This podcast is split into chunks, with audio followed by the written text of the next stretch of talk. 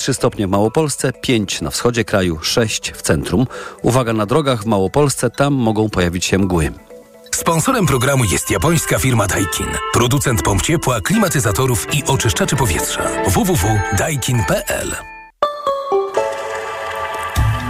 Stacja pomiarowa w Katowicach przy Alei Górnośląskiej pokazuje 62 mikrogramy pyłu zawieszonego PM10 na metr sześcienny powietrza, co oznacza, że tam jakość powietrza jest tylko umiarkowana. W pozostałych dużych miastach Polski jakość powietrza jest dobra i bardzo dobra. Sponsorem programu była japońska firma Daikin. Producent pomp ciepła, klimatyzatorów i oczyszczaczy powietrza. www.daikin.pl Radio TOK FM. Pierwsze radio informacyjne. Wywiad polityczny.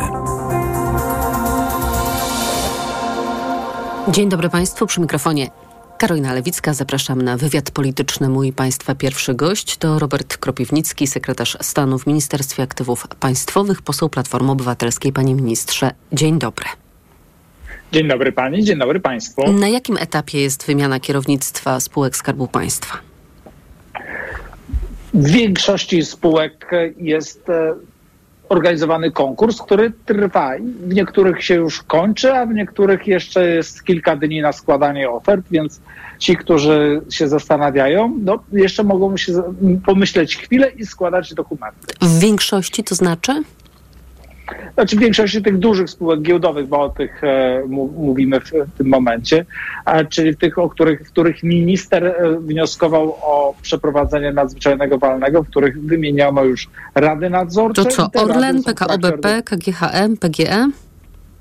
PGE, PZU o, i kilka jeszcze innych. Enea i można jeszcze kilka wymienić. Mhm. To w sumie na palcach dwóch rąk, tak? Dalibyśmy radę? Na tym etapie tak. No to znaczy, skoro te zmiana... Myślę, że dwóch rąk to nie, dwóch rąk będzie mało. Myślę, że to jest około 15. Dobrze, to skoro mamy hurtową wymianę kadr, a detaliczne konkursy, to kiedy będzie na odwrót? Nie, konkursy są we wszystkich e, organizowane. Na wszystkie stanowiska? Na członków zarządu tak. We wszystkich spółkach Skarbu Państwa? w tych spółkach giełdowych, nie tylko giełdowych, w których. Ale przed chwilką pan powiedział o 15. Około 15. Ja dokładnie nie jestem w stanie tego teraz policzyć, bo się aż tak nie przygotowałem, w sensie nie byłem o to proszony, ale to można łatwo sprawdzić. To zacytuję Donalda Tuska sprzed kilku tygodni z wywiadu dla trzech telewizji. Na stanowiska w spółkach Skarbu Państwa będą konkursy. Minister Budka przedstawi transparentne zasady nominacji. No i na początku lutego, mm, panie ministrze, wiceminister Jacek Bartmiński na antenie mojego radia mówił, że Ministerstwo Aktywów Państwowych szykuje specjalny pakiet regulacji, które mają doprowadzić e, do tego, żeby właśnie te konkursy były wszędzie organizowane. I ministerstwo chciałoby, by naborem zajmowali się wykwalifikowani rekruterzy. Tyle, że jest także mm, projekt ustawy w sprawie odpolitycznienia spółek Skarbu Państwa w procedowaniu Polski 2050. Jest też pomysł lewicy jeszcze z okresu kampanii wyborczej, Rada Kompetencyjna. I zastanawiam się, czy będzie jakieś y, uwspólnienie tych pomysłów. Myślę, że na etapie prac parlamentarnych y, do tego dojdzie, to będzie to uwspólnienie tych e, projektów po to, żeby wypracować jeden mechanizm. My na razie pracujemy w oparciu o te rozwiązania ustawowe, które są i przede wszystkim rozwiązania w statutach poszczególnych e, spółek, które przewidują właśnie otwarte postępowania kwalifikacyjne, które nazywamy konkursami. Mhm. A czy Państwo przewidują nowelizację ustawy o zasadach zarządzania mieniem państwowym? Jesteśmy w trakcie analizy tej ustawy i myślę, że w niedługim czasie będziemy w stanie przedstawić nasze propozycje zmian do tej ustawy. Ale to jesteśmy na etapie jeszcze analiz i rozmów też wewnętrznych, konsultacji z prawnikami a, i to chwilkę jeszcze potrwa. Mhm. A kiedy finał tych prac jest spodziewany? Nie jestem w stanie w tym momencie tego powiedzieć. To to jest jednak duży, bardzo specjalistyczny akt, który też e, dotyczy częściowo kodeksu spółek handlowych, więc to musi być ściśle przeanalizowane i powią powiązane właśnie z innymi aktami prawnymi. Mhm. A kiedy możemy się spodziewać e, wyników e, audytów w spółkach Skarbu Państwa? Bo także premier Tusk w tym samym wywiadzie, już przeze mnie dzisiaj cytowanym dla trzech telewizji, mówił, że nawet sobie nie wyobrażamy, mm, jak wielka była ta skala nadużyć finansowych najwyższych funkcjonariuszy Prawa i Sprawiedliwości. Minister Budka zapowiedział, że te audyty będą przeprowadzać e, oczywiście nowe zarządy. No i tutaj też pytanie o perspektywę czasową.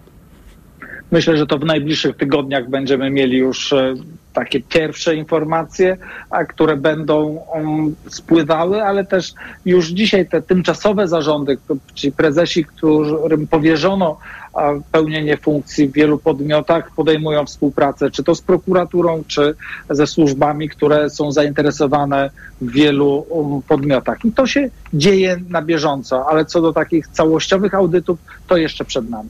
One, jak rozumiem, będą udostępniane opinii publicznej, tak? To znaczy państwo będą informować o tym, jakie potencjalnie były nadużycia tych, w tych spółkach Skarbu Państwa, co pokazują te audyty, tak? Myślę, że tak, że to, to też Ale myśli pan, panie decydowały. ministrze, czy jest pan pewien, że poznamy wyniki Są tych audytów? Za, zarządy i rady nadzorcze i to one będą decydowały, które części będą publiczne. Proszę pamiętać, że są to też spółki giełdowe, które zawierają rozliczne kontrakty i myślę, że będą w tych audytach zarówno części publicznie dostępne, mhm. jak i części, które będą dostępne tylko do, dla rad nadzorczych, czy chociażby dla prokuratury. Bo to też jest kwestia komunikowania tych rzeczy, które no, opinia publiczna powinna poznać i tych rzeczy, które tak, żeby nie narazić spółek na a, straty czy na jakieś e, dodatkowe procesy. Zastanawiam się nad y, konsekwencjami, które ewentualnie zostaną wyciągnięte. Oczywiście mogą być skierowane wnioski do prokuratury, ale pana y, pytam, czy spółki będą, myśli pan, mogły kierować roszczenia o naprawienie szkód wyrządzonych przez menedżerów albo domagać się ścigania przestępstwa niegospodarności? Tak, uważam, że tak i myślę, jak po takim wstępnym przejrzeniu, że będzie co najmniej kilka, jak nie kilkanaście zawiadomień do prokuratury w różnych spółkach, które wiem, że już są szykowane. Kilka, to kilkanaście jest, to niewielka skala. To, to jest bardzo wstępne, proszę pamiętać, że to jest po kilku dniach, czy tam tygodniu tak naprawdę. Ale moim zdaniem najważniejsze jest, żeby doprowadzić do skazania tych, którzy dopuścili się nadużyć na mieniu publicznym. I e, na to będziemy kładli przede wszystkim nacisk. A czy możliwe jest kwestionowanie mm, wygórowanych wynagrodzeń albo na przykład tych złotych spadochronów, e, które niektórzy menedżerowie otrzymywali, żeby miękko wylądować po zmianie władzy? W każdej, każdej spółce jest to osobno analizowane, ponieważ to są to różne e, zabezpieczenia, które były stosowane od takich, można powiedzieć, standardowych 3-4 miesięcznych okresów wypowiedzeń po roczne na przykład. I e, te mogą być to bardzo poważnie e, analizowane pod kątem ich zasadności. To każda spółka musi to osobno komunikować i też ze względu na to, że są to jednak podmioty giełdowe, to ona każda musi samodzielnie tę sprawę komunikować. A czy możliwe będzie podważenie niegospodarnych transakcji? Czy to będzie trudne zadanie dla państwa? W zależności od, od, transakcji, bo jedne będzie trudniej, inne łat, łatwiej. Myślę, że to właśnie poszczególne. Ciężko zgeneralizować. Wiele podmiotów wskazuje wstępnie, że było, były transakcje, które mogą zna, no, mieć znamiona nadużyć i one to analizują. Za parę tygodni, można za dwa, trzy tygodnie będą zarządy już takie kompletne w tych spółkach i one będą podejmować te decyzje. E, rysuje się co najmniej kilka bardzo poważnych spraw, e, również e, w no, dużych spółkach giełdowych, ale naprawdę tu jeszcze proszę o chwilę cierpliwości. Te audyty naprawdę są to wstępnie robione na razie, później będą bardzo pogłębiane i to czekamy na te informacje. Zmieniam temat, e, panie ministrze. Były wiceszef MSZ-u Piotr Wawrzyk, jeden z bohaterów tzw. Tak afery wizowej, mający zresztą w tej sprawie zarzuty prokuratorskie, odmówił dzisiaj składania zeznań przed komisją śledczą do spraw właśnie afery wizowej. Za to zadeklarował, że zawsze przestrzegał przepisów prawa, nigdy prawa nie złamał, nawet prawa ruchu e, drogowego. No jest to cenna niewątpliwie informacja dla opinii publicznej. Za to chętnie podzielił się swoją wiedzą, najpierw na posiedzeniu otwartym, teraz dzieli się na posiedzeniu zamkniętym mm, niegdysiejszy współpracownik pana Wawrzyka Edgar e, K. przekonuje, że kierownictwo Zjednoczonej Prawicy usiłowało tuszować e, aferę e, wizową. Czy myśli pan, że mm, z obrad Komisji Śledczej dowiemy się więcej interesujących szczegółów na temat tego procederu? Myślę, że tak, to chociażby te dzisiejsze już zeznania w części otwartej pana Edgara K. pokazują, że Kobosa. Pan Edgar że, Kobos powiedział, że Kobos, tak chce być Można nazywany pełnym nazwiskiem, tak, a nie pierwszą literą. Jasne. Pan Edgar Kobos to mówi wprost. No, on był przy tym, on był współpracownikiem pana Wawrzyka i to chyba jeden z najbliższych, więc to, że pan Wawrzyk zasłania się do prawem, do które ma oczywiście, że może odmówić zeznań, które pogorszą jego sytuację prawną, no, ale pan Edgar Kobos no, szeroko zeznaje i pokazuje, jak to wyglądało. A wyglądało bardzo źle, bo było to decyzje przypadkowe, kierowane interesem politycznym, chociażby to, że te centra obsługi tych wiz, jedno miało być w Łodzi, a drugie w Kielcach. No dlaczego?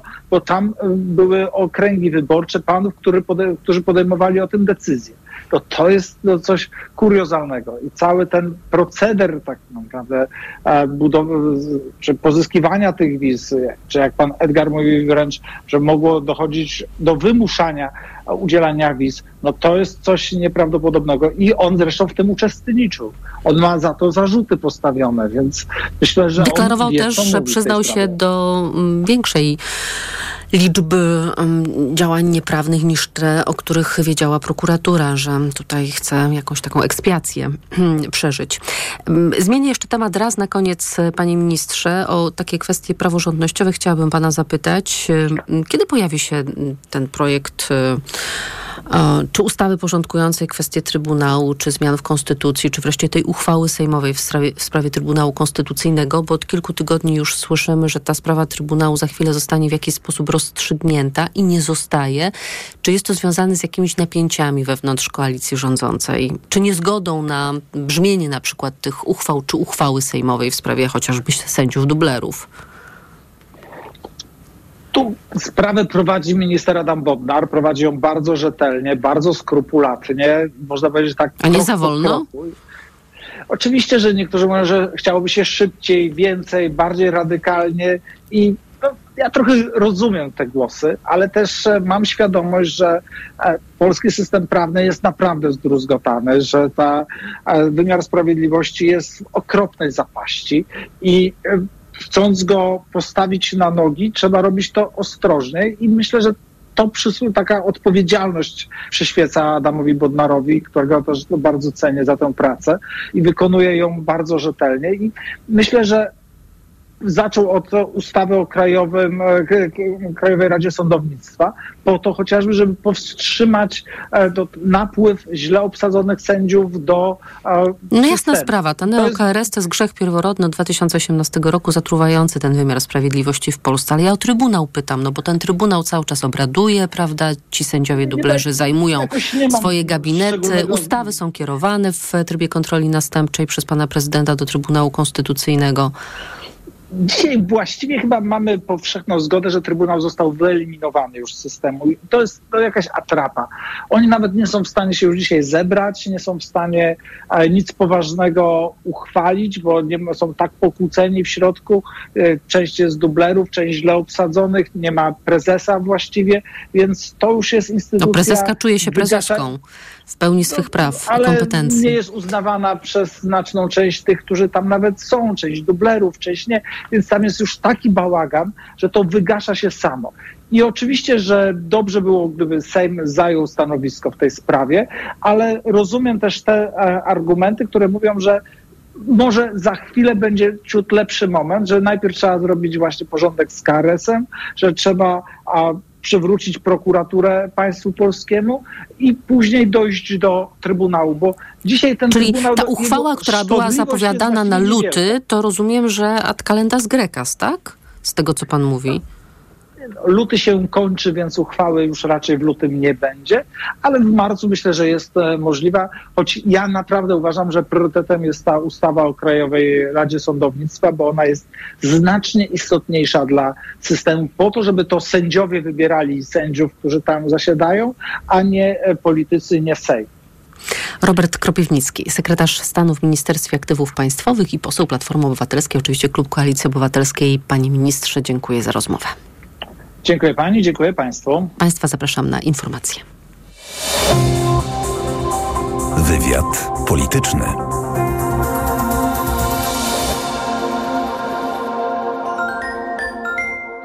Koniec dnia to idealny moment na chwilę zastanowienia nad nami, światem, historią.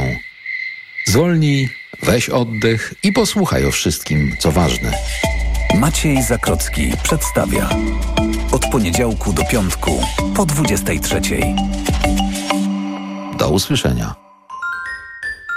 Reklama. Przygotuj się na spotkanie z samochodem, który zmienia zasady gry. Wyśnionym ideałem, absolutną perfekcją, kreującą trendy ikoną designu. Odkryj nową Toyotę CHR w specjalnej ofercie premierowej. Tylko w salonach Toyoty. Tylko podczas dni otwartych od 26 lutego do 2 marca. Przyjdź i przekonaj się, że niemożliwe to dopiero początek. Mega, mega, mega, mega, mega, mega, Marian, co mega... ty robisz? Wabie okazję, Barbara. O, patrz, w Media Expert są. Mega okazje w Media Expert. Na przykład lekki laptop Asus Intel Core i5 do pracy i nauki. Najniższa cena z ostatnich 30 dni przed obniżką 2499 zł 99 groszy. Teraz za jedyne 2199 z kodem rabatowym taniej o 300 zł. Wyborcza ujawnia. Amerykański fundusz inwestycyjny najpierw uratował zięcia Donalda Trumpa od bankructwa, a potem został głównym beneficjentem atomowego kontraktu stulecia z Polską. O długu rodziny prezydenta Trumpa, PiS i grze o polski atom. Czytaj dziś tylko na wyborcza.pl. Poznaj wielkanocnego łapacza w Delikatesach Centrum. Codziennie dużo oszczędności i więcej rabatów. Dziś kawa mielona Chibo Family 450 gramów. Najniższa cena sprzed 30 dni przed obniżką 12,99. A teraz tylko 11,99. Jutro banany. Cena przed obniżką 6,99. Teraz 50% taniej. Tylko 3,49 za kilogram. Delikatesy Centrum. Codziennie. Dzisiek, Dzisiu, Dzisław. No co, co tam, Jutrek? A wiesz, że teraz w Wektrze jest super internet z telewizją już od 59,99? Wiem, a wiesz, że w Wektrze... Wiem, instalacja na jutro albo miesiąc abonamentu gratis. Ech, kujon. Zamów pod 601 601 601 lub na wektra.pl. Wektra. Mówisz? Masz. Materiał nie stanowi oferty. Cena zawiera rabaty, zasady i ograniczenia w regulaminach promocji. Reklama. Radio TOK FM. Pierwsze radio informacyjne. Informacje TOK FM. 17.20 Konrad Sabal. Po szczycie Grupy Wyszehradzkiej powiem szczerze, czy ta formuła ma jeszcze sens, mówi premier Donald Tusk. Polski premier jutro udaje się do Pragi, aby rozmawiać z premierami Węgier, Słowacji i Czech. Jest mi przykro z jednego powodu. Też będę o tym mówił jutro w Pradze. Polacy, Słowacy, Węgrzy, Czesi, obiektywnie rzecz biorąc, mają prawie wyłącznie wspólne interesy, także te dotyczące bezpieczeństwa. To jest swoisty paradoks, że dzisiaj z Budapesztu i z Bratysławy płyną tak y, dwuznaczne sygnały, jeśli chodzi o Putina i Rosję. W rocznicę wybuchu wojny w Ukrainie premier Słowacji Robert Fico mówił o fałszywej demonizacji prezydenta Rosji Władimira Putina. Stwierdził też, że jedynym planem Unii Europejskiej jest wspieranie zabijania się Słowian nawzajem. Solidarność Rolników Indywidualnych poinformowała, że jutro rolnicy zablokują drogę ekspresową S7 w okolicach Radomia. Policja otrzymała także informacje o możliwych utrudnieniach w Ciechanowie i Płocku. Kilkadziesiąt tysięcy protestujących rolników pojawi się jutro w centrum Warszawy. Mieszkańców stolicy czekają blokady ulic, a także objazdy linii autobusowych i tramwajowych. Marsz rolników ma rozpocząć się o 11 pod Pałacem Kultury i Nauki. To są informacje TOK FM. Parlament Węgier poparł przystąpienie Szwecji do NATO. Szwedzki wniosek o akcesję czekał na poparcie węgierskich deputowanych od lipca 2022 roku. Ratyfikacja musi, musi jeszcze zostać podpisana przez głowę państwa lub przewodniczącego parlamentu, który obecnie sprawuje obowiązki prezydenta Węgier. Na początku kwietnia polski rząd będzie chciał wynegocjować z Komisją Europejską nowy termin na realizację Krajowego Planu Odbudowy. Tym terminem jest koniec sierpnia 2026 roku. A z tym, zdaniem ekspertów, może być problem, bo Polska w wykonaniu KPO ma dwuletnie opóźnienie w porównaniu z innymi krajami wspólnoty. Eurodeputowany Koalicji Obywatelskiej Janusz Lewandowski podkreśla, jak ważne są te pieniądze. To jest pieniądz życiodajny dla gospodarki, która ma bardzo niski poziom inwestycji, bo dobra zmiana sprawiła, że przedsiębiorcy nie chcieli inwestować. Wszyscy powinni być pod presją, żeby zdążyć. Terminy są bardzo krótkie.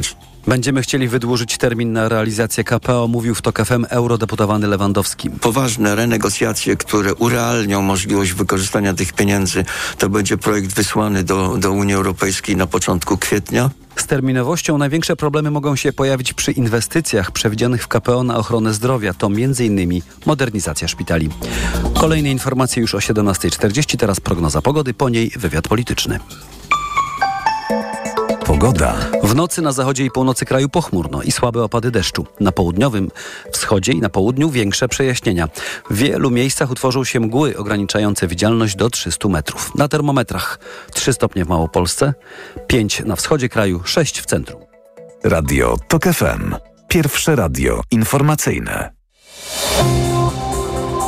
Wywiad polityczny. Doktor Marcin Fatalski jest z nami, Instytut Amerykanistyki i Studiów Polonijnych Uniwersytetu Jagiellońskiego. Dzień dobry, panie doktorze. Dzień dobry pani redaktor, dzień dobry państwu. Głośnym echem odbiło się wystąpienie szefa polskiego MSZ-u podczas Rady Bezpieczeństwa ONZ w Nowym Jorku, zorganizowanej w drugą rocznicę rosyjskiej agresji na Ukrainę. Radosław Sikorski wypunktował wszystkie kłamstwa rosyjskiego ambasadora, zajęło mu to cztery minuty. Bloomberg komentuje, polski minister spraw zagranicznych z dnia na dzień stał się sensacją, a jego wystąpienie może okazać się ważnym momentem debaty na temat wojny na Ukrainie. No, czy rzeczywiście słowa potrafią zmieniać rzeczywistość? Potrafią, tylko pytanie, czy w tym wypadku, czy siła wystąpienia, to rzeczywiście było bardzo dobre wystąpienie, tylko czy siła tego wystąpienia jest taka, żeby podziałać na wyobraźnię polityczną elity politycznej w Waszyngtonie, tej grupy przynajmniej elity politycznej, która uważa, że kwestia pomocy, bo tu chodzi o te pakiety pomocowe dla Ukrainy, może jeszcze poczekać, a jest to element gry politycznej z administracją Bidena, między tymi tampizującymi się republikanami, a, a rządzącą administracją. Tak jak pani redaktor powiedziała, to było wystąpienie bardzo dobre, po raz kolejny zresztą Polska próbuje jakoś, różne to są czynniki, to czasami bywają naukowcy, czasami politycy, którzy próbują jakoś mierzyć się z tą oficjalną narracją historyczną rosyjską, to nie jest nic nowego. To, to już to właśnie trwa od zawsze taki pogląd tam utrwalony, że, że Polska odpowiada za, za wybuch II wojny światowej. Natomiast tą stroną, która jakoś musiała się w tych okolicznościach bronić, była strona rosyjska. Nie wiem, zdaje się, że ambasador rosyjski nie wysłuchał, przedstawiciel Rosji nie wysłuchał tego wystąpienia. Tak wyszedł po wygłoszeniu swojego wystąpienia z sali. Dokładnie, tak, tak. Natomiast no, ważne, żeby Sikorski przebijał się z tym w mediach. To ma istotne znaczenie. Ale to wielu wywiadów udzielił podczas swojego pobytu w Stanach Zjednoczonych szef polskiego MSZ-u. Jest jego ogromnym atutem to usieciowienie, takie słowo, nie wiem, czy ono jest eleganckie, czy nie i czy, czy ładnie brzmi, natomiast jest on dobrze osadzony w tym Krąży w sieci jako viral, panie doktorze. Tak, tak, tak. I e, natomiast sam minister Sikorski ma tam pewną siłę przebicia. E, jest, jest obecny i ma łatwy dostęp, jak się okazuje, albo przynajmniej umie go, potra potrafi go uzyskać do mediów. To ma znaczenie z punktu widzenia budowania opowieści, jeśli można tak powiedzieć, czy, czy przebijania się z pewnymi poglądami do, do tej, tej części amerykańskiej opinii publicznej, która czyta gazety y, i ogląda programy główne takie publicystyczne, które jakoś kształtują opinię na ten temat. No to jest ważne, dlatego że ta wojna, pamiętajmy, z punktu widzenia takiej Ameryki, nawet tej zorientowanej w sprawach światowych, ona jest chociażby na drugim planie w stosunku do kwestii bliskowschodnich, więc przypominanie o wadze tych wydarzeń, które tutaj się dzieją w Europie Środkowo-Wschodniej, jest jedną z doniosłych e, ról polskiej dyplomacji, jednym z podstawowych celów e, obecności polskiego ministra spraw zagranicznych za oceanem.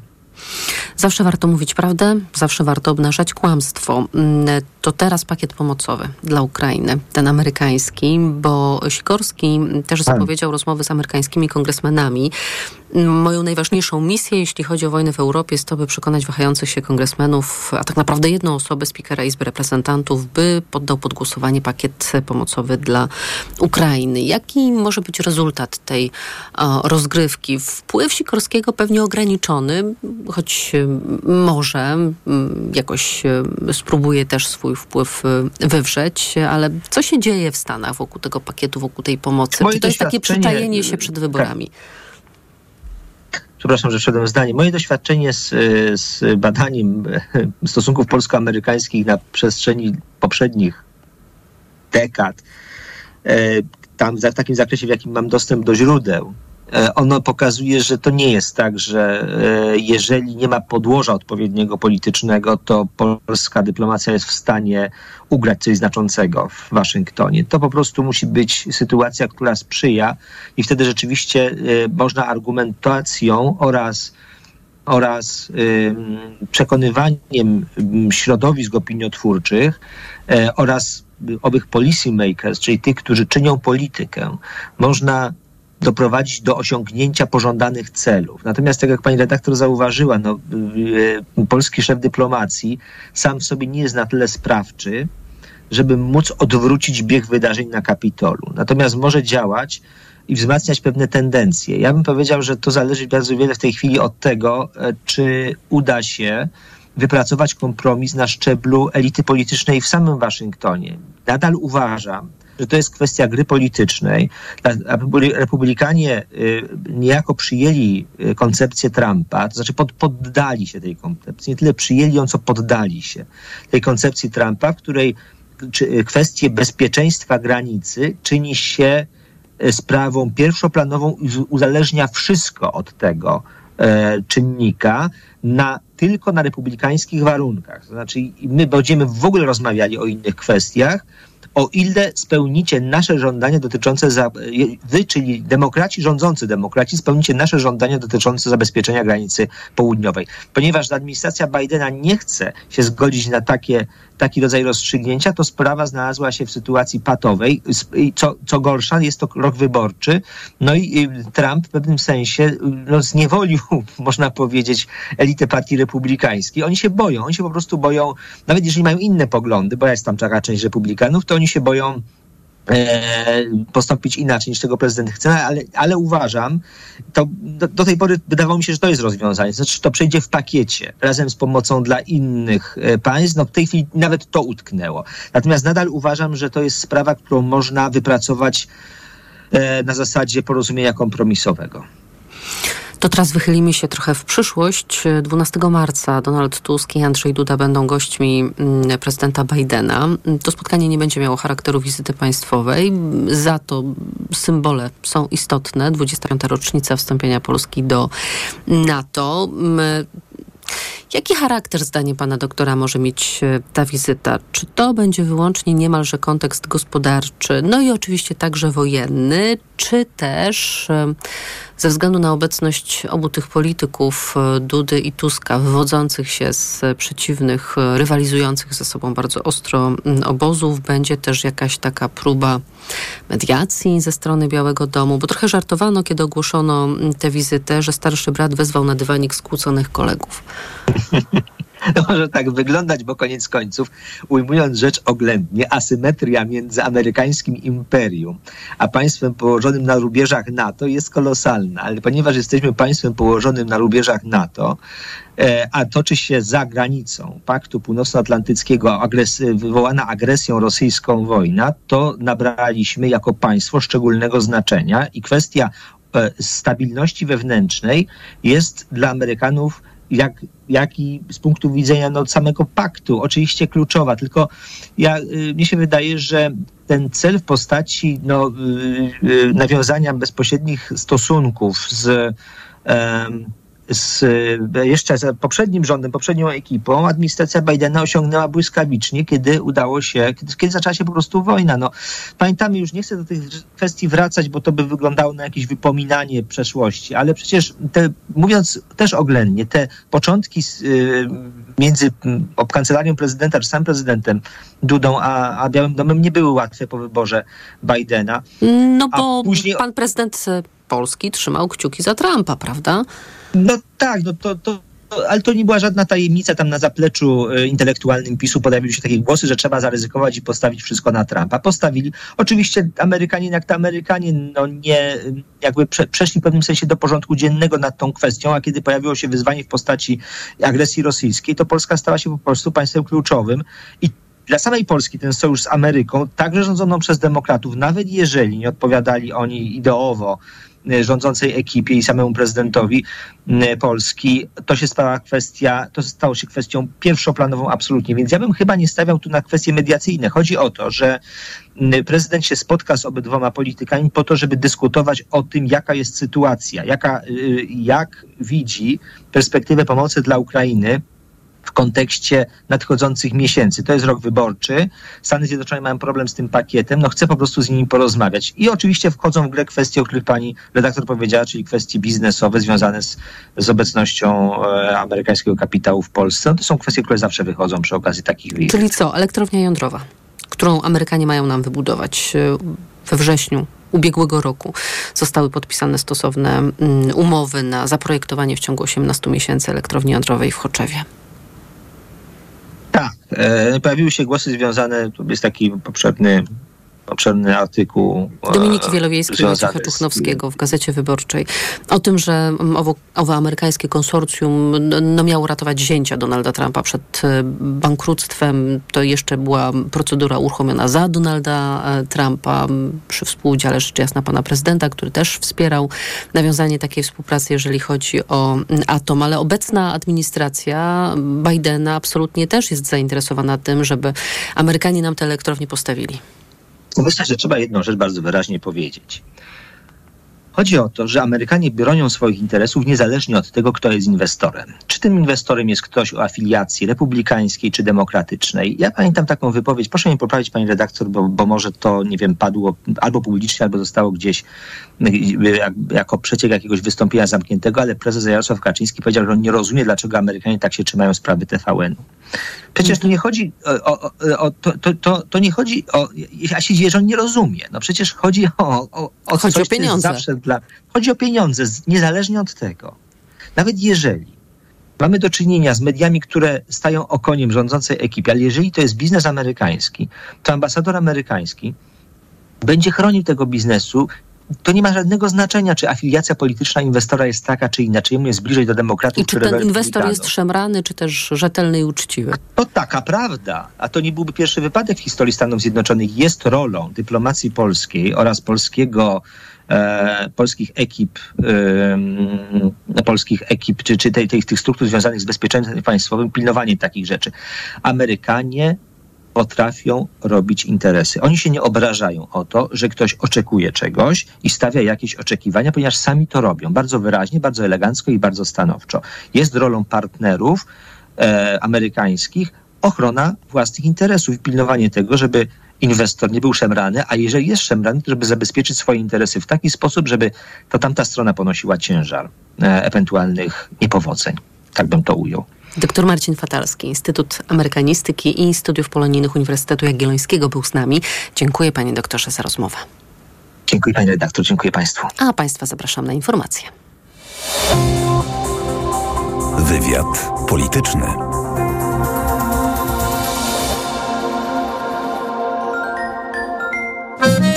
Lista przebojów to FM. Jakie radio? Taka lista. TOK 3. Czy pan, y, panie prezesie, zamierza trzymać z daleka od wszystkich, którzy byli w ZSL-u? I w takim razie co z panem Zbigniewem y, Kuźmiukiem, y, posłem? PiSu, który był za to. Proszę Państwa, zawsze są wyjątki. Lista przebojów TOK FM. Słuchaj i głosuj na portalu informacyjnym tokefm.pl. Reklama. RTV Euro AGD. Sensacja! Trwa Euro Super Days, a w nich tylko do czwartku super rabaty na produkty objęte promocją. 65 cali LG NanoCell. Najniższa teraz ostatnich 30 dni przed obniżką to 3179. Teraz za 2999 zł.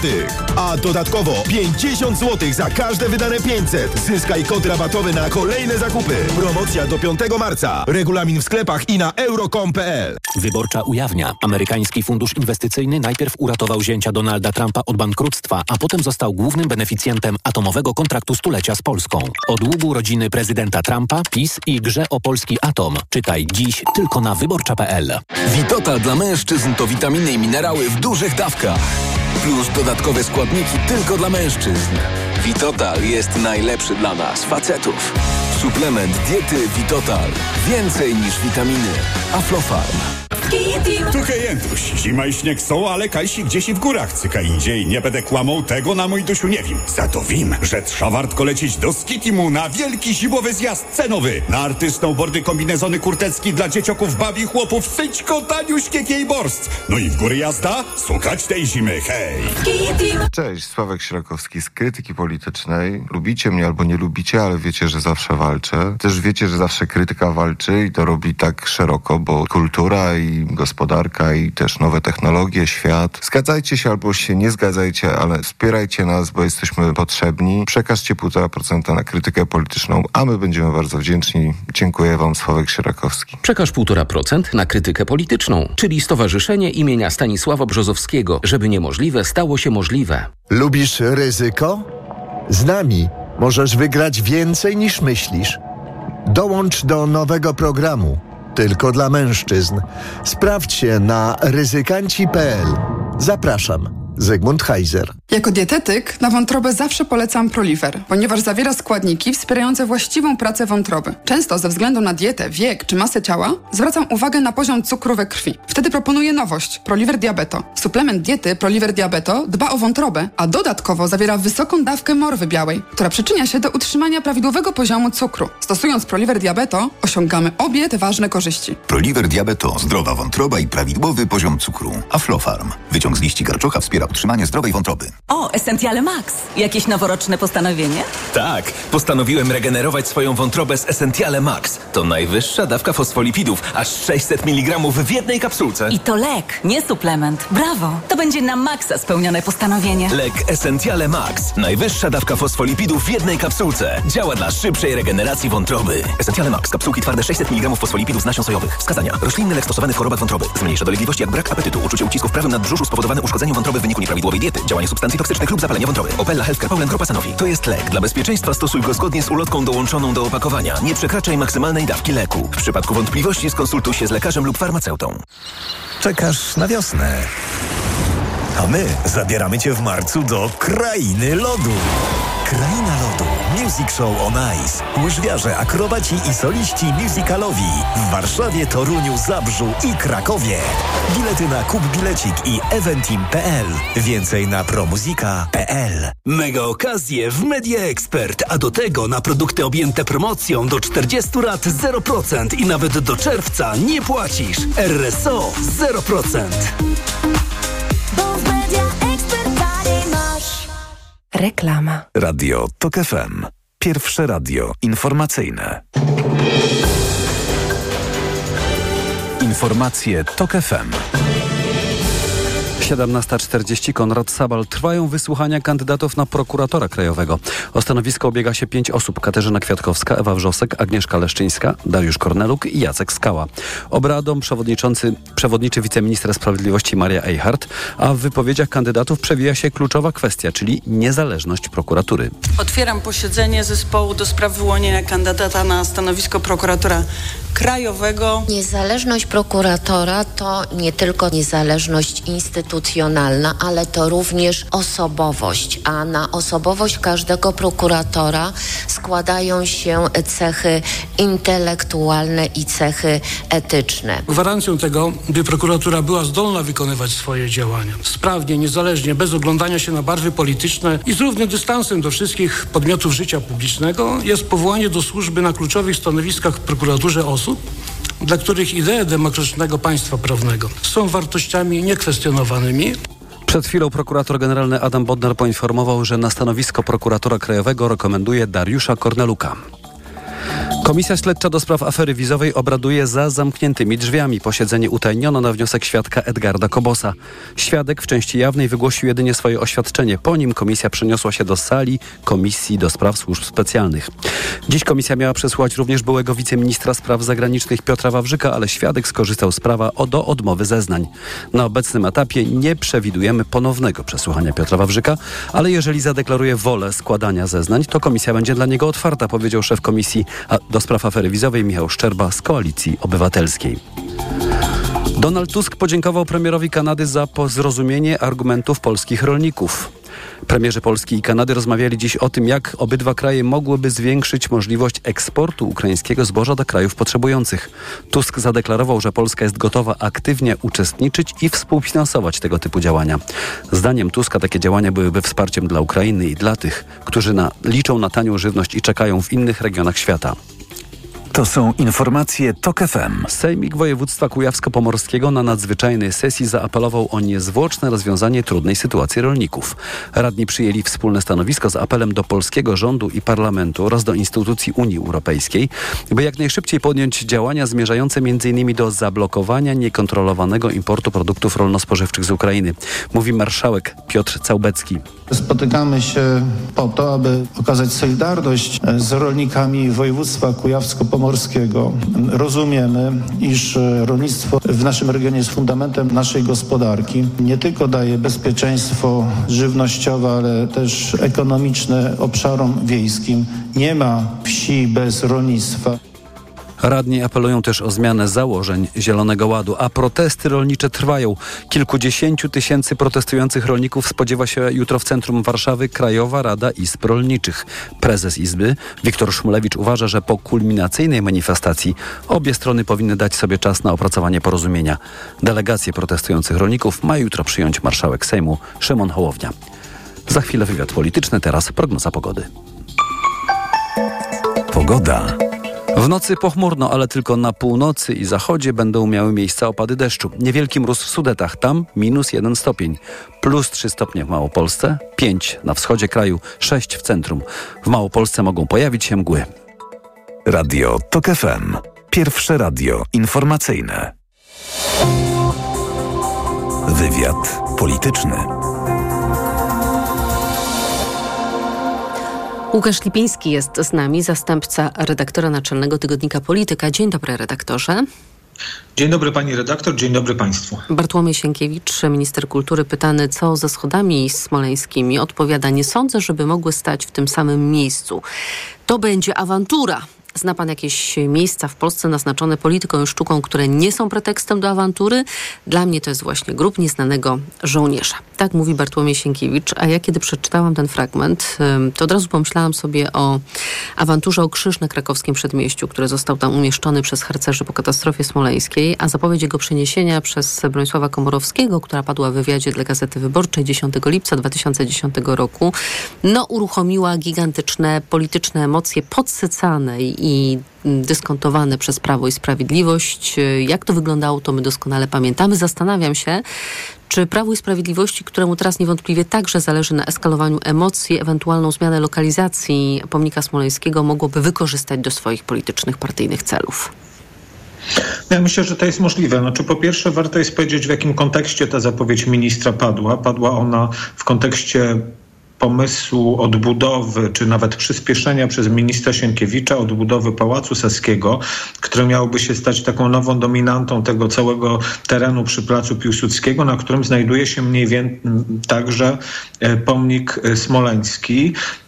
No w związku z tym jakby mogłoby dojść do jego przeniesienia, no bo rzeczywiście mielibyśmy tutaj do czynienia z jakimś urbanistycznym galimatiasem, jeśli by rzeczywiście do tego łącznie doszło. Natomiast rzeczywiście no ja tutaj przewiduję gigantyczną awanturę i myślę, że to jest taka rzecz, wokół której Jarosław Kaczyński po pierwsze, bo on potrafi temat smoleński wykorzystywać instrumentalnie, będzie chciał dalej ciągnąć tą swoją ideę ra e, radykalizacji PiSu i mobilizowania tych najbardziej e, zagorzałych zwolenników. No poza tym e, katastrofa smoleńska jest takim tematem, wokół którego Jarosław Kaczyński wielokrotnie reagował w sposób taki, wydawałoby się, bardzo emocjonalny, więc można się spodziewać, że ponownie może być w ten sam sposób. Mhm.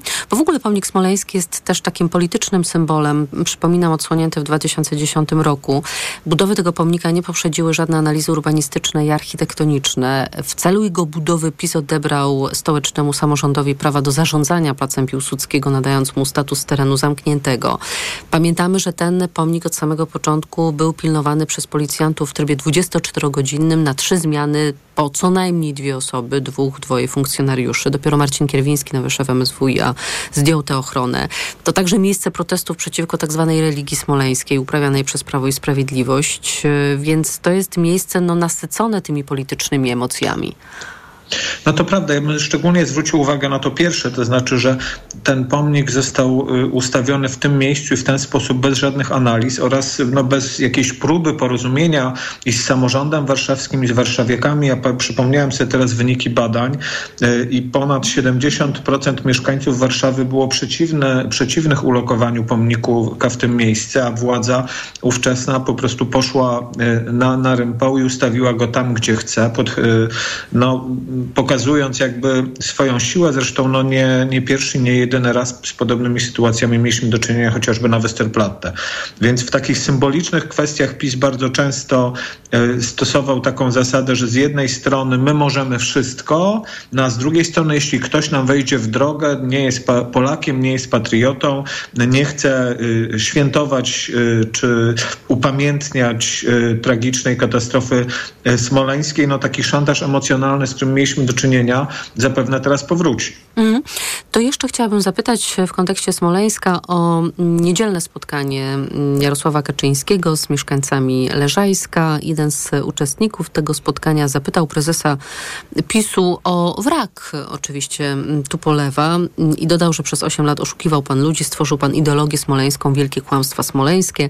Nerwowa była reakcja prowadzącej spotkanie posłanki Ewy Leniart, ale sam Kaczyński odparł, że to klasyczny przykład tego, że nawet na tej sali są ludzie Putina, bo to jest wielka obrona Putina i oczywiście mówił, że gdyby nawet fragmenty tego Tupolewa znalazły się w Polsce, to łatwiej byłoby udowodnić to, co jest już udowodnione, że to był zamach.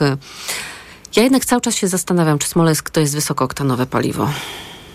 No ja myślę, że wysokooktanowe to już nie. Y, widać, że Polacy nieco mniej się tym interesują niż się interesowali wcześniej, stąd próby jakby znalezienia innych tematów, na których Polaków się będzie mobilizować. No, Jarosław Kaczyński jest trochę jak ten generał, który toczy przeszłe bitwy, ponieważ dzięki tematowi smoleńskiemu de facto udało mu się ponownie skonsolidować swoją partię i po pięciu latach poprowadzić do zwycięstwa, no to liczy na to, że być może ten temat y, zadziała e, tym razem również. Swoją drogą e, no, no łatwo, łatwym celem y, ataków, czy wystawił się Jarosław Kaczyński na możliwe ataki, no bo jak wiemy fragmenty wraku znalazły się w Polsce w liczbie kilkunastu, z których po, tam pięć Antoni Macierewicz zepsuł, a kilkanaście zgubił, prawda? 23 tak... sztuki, pięć zgubione, reszta, pięć zepsutych, reszta zgubiona albo na odwrót.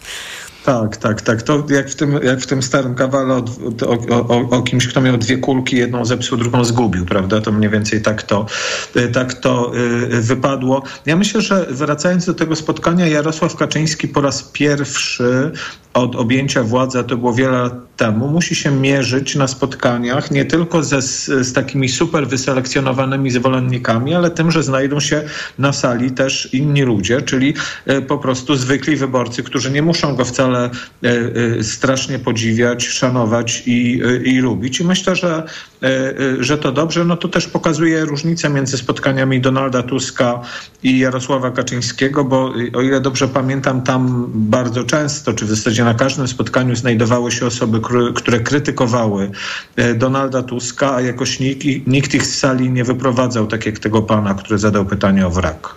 To ja bym chciała teraz zapytać o zmianę klimatu politycznego między małym a dużym pałacem. Nie wiem, czy nie przesadzam w tej diagnozie, ale ostatnio obaj panowie, Tusk i Duda, ciepło sobie mówili. To dość zastanawiające, zważywszy na codzienny polityczny stan rzeczy. Donald Tusk podczas konferencji zapewniał, że jest w stałym kontakcie z prezydentem. To była konferencja poświęcona przede wszystkim oczywiście wojnie na wschodzie. Mówił, chcę podkreślić, że nasze rozmowy i nasza współpraca z prezydentem jest w 100% zgodna. Natomiast e, Andrzej Duda podczas e, wywiadu telewizyjnego o Donaldzie Tusku mówił, że przez tyle lat w Brukseli był jednym z najważniejszych polityków Unii, absolutnie top of the tops na wszystkich Komisji Europejskiej. Potem dodał, że Donald Tusk to niezwykle kompetentny polityk. Czy to jest takie tworzenie wrażenia, że jeżeli chodzi o sprawy bezpieczeństwa, no i właśnie wojny za naszą wschodnią granicą, to już nie będzie kopania się po kostkach na tym najwyższym szczeblu?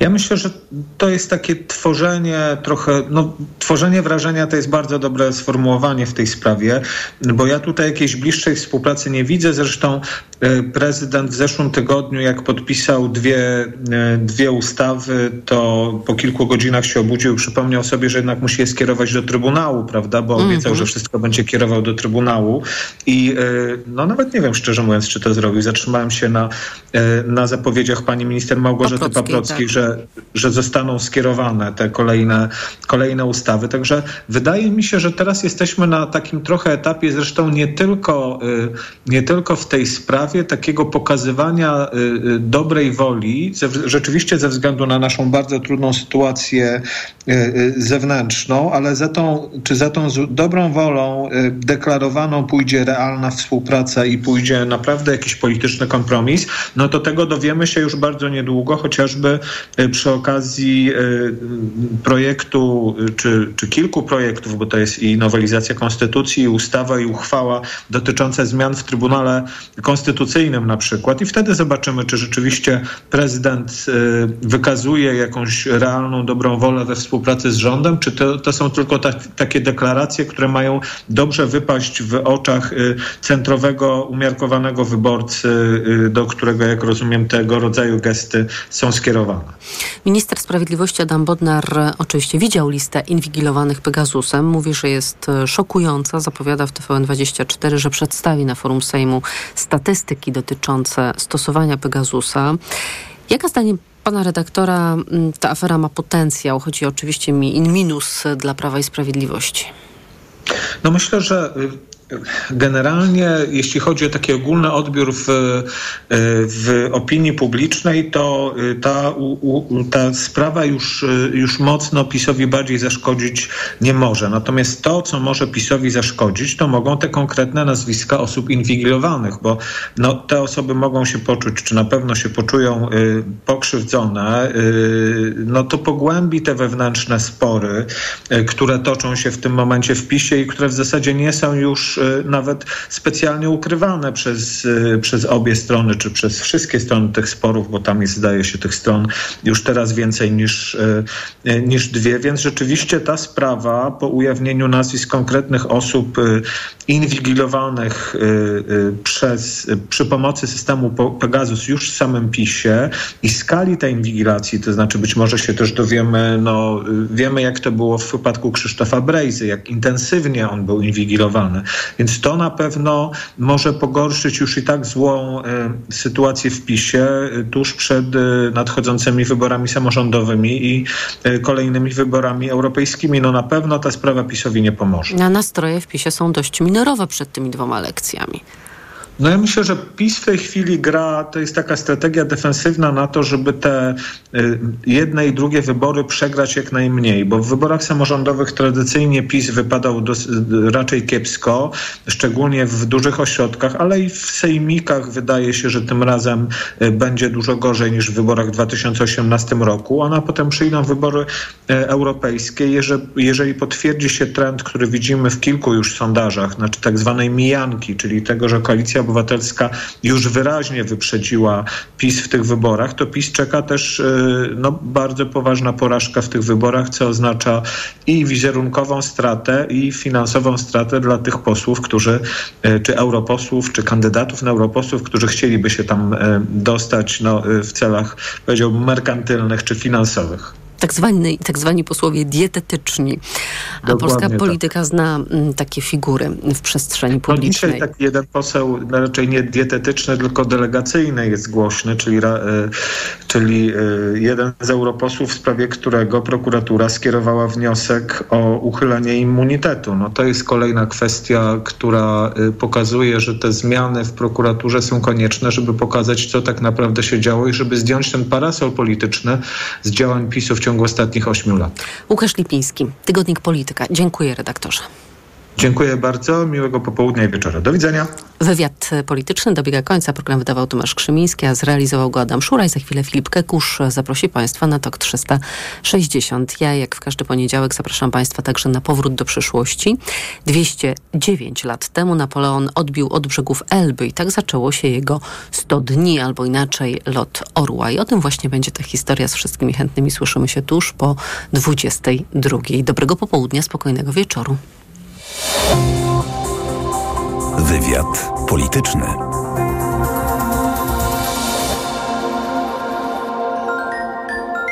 Jak Ukraińc i Polak, jak Europejcy, jak друзі, jak батьки, які люблять. This summit is an historic summit because we have already made America, Europe, a coalition of nations from the Atlantic to the Pacific, we were too unified. Democracy was too strong. Światopodgląd. Od wtorku do piątku po 15. Zaprasza Agnieszka Lichnerowicz. Reklama. Niedawno temu, ale tu i teraz blisko Ciebie żyją prawdziwi bohaterowie. Żyją krótko i szczęśliwie. Wspomóż podopiecznych Fundacji Warszawskie Hospicjum dla Dzieci. Podaruj 1,5%, by mogli żyć na 100%. Przepraszam, coś pani zgubiła. Mój magnes, bardzo dziękuję. Suplement diety Neomak Forte D3. Magnes. Może stąd to przyciąganie. Ja też biorę magnes. Sporo nas łączy. Łączy to Neomak Forte D3. Dużą dawkę magnezu i aż 2000 jednostek witaminy D. Kosztuje 2 zł więcej niż Neomak Forte, a daje mi świetną odporność.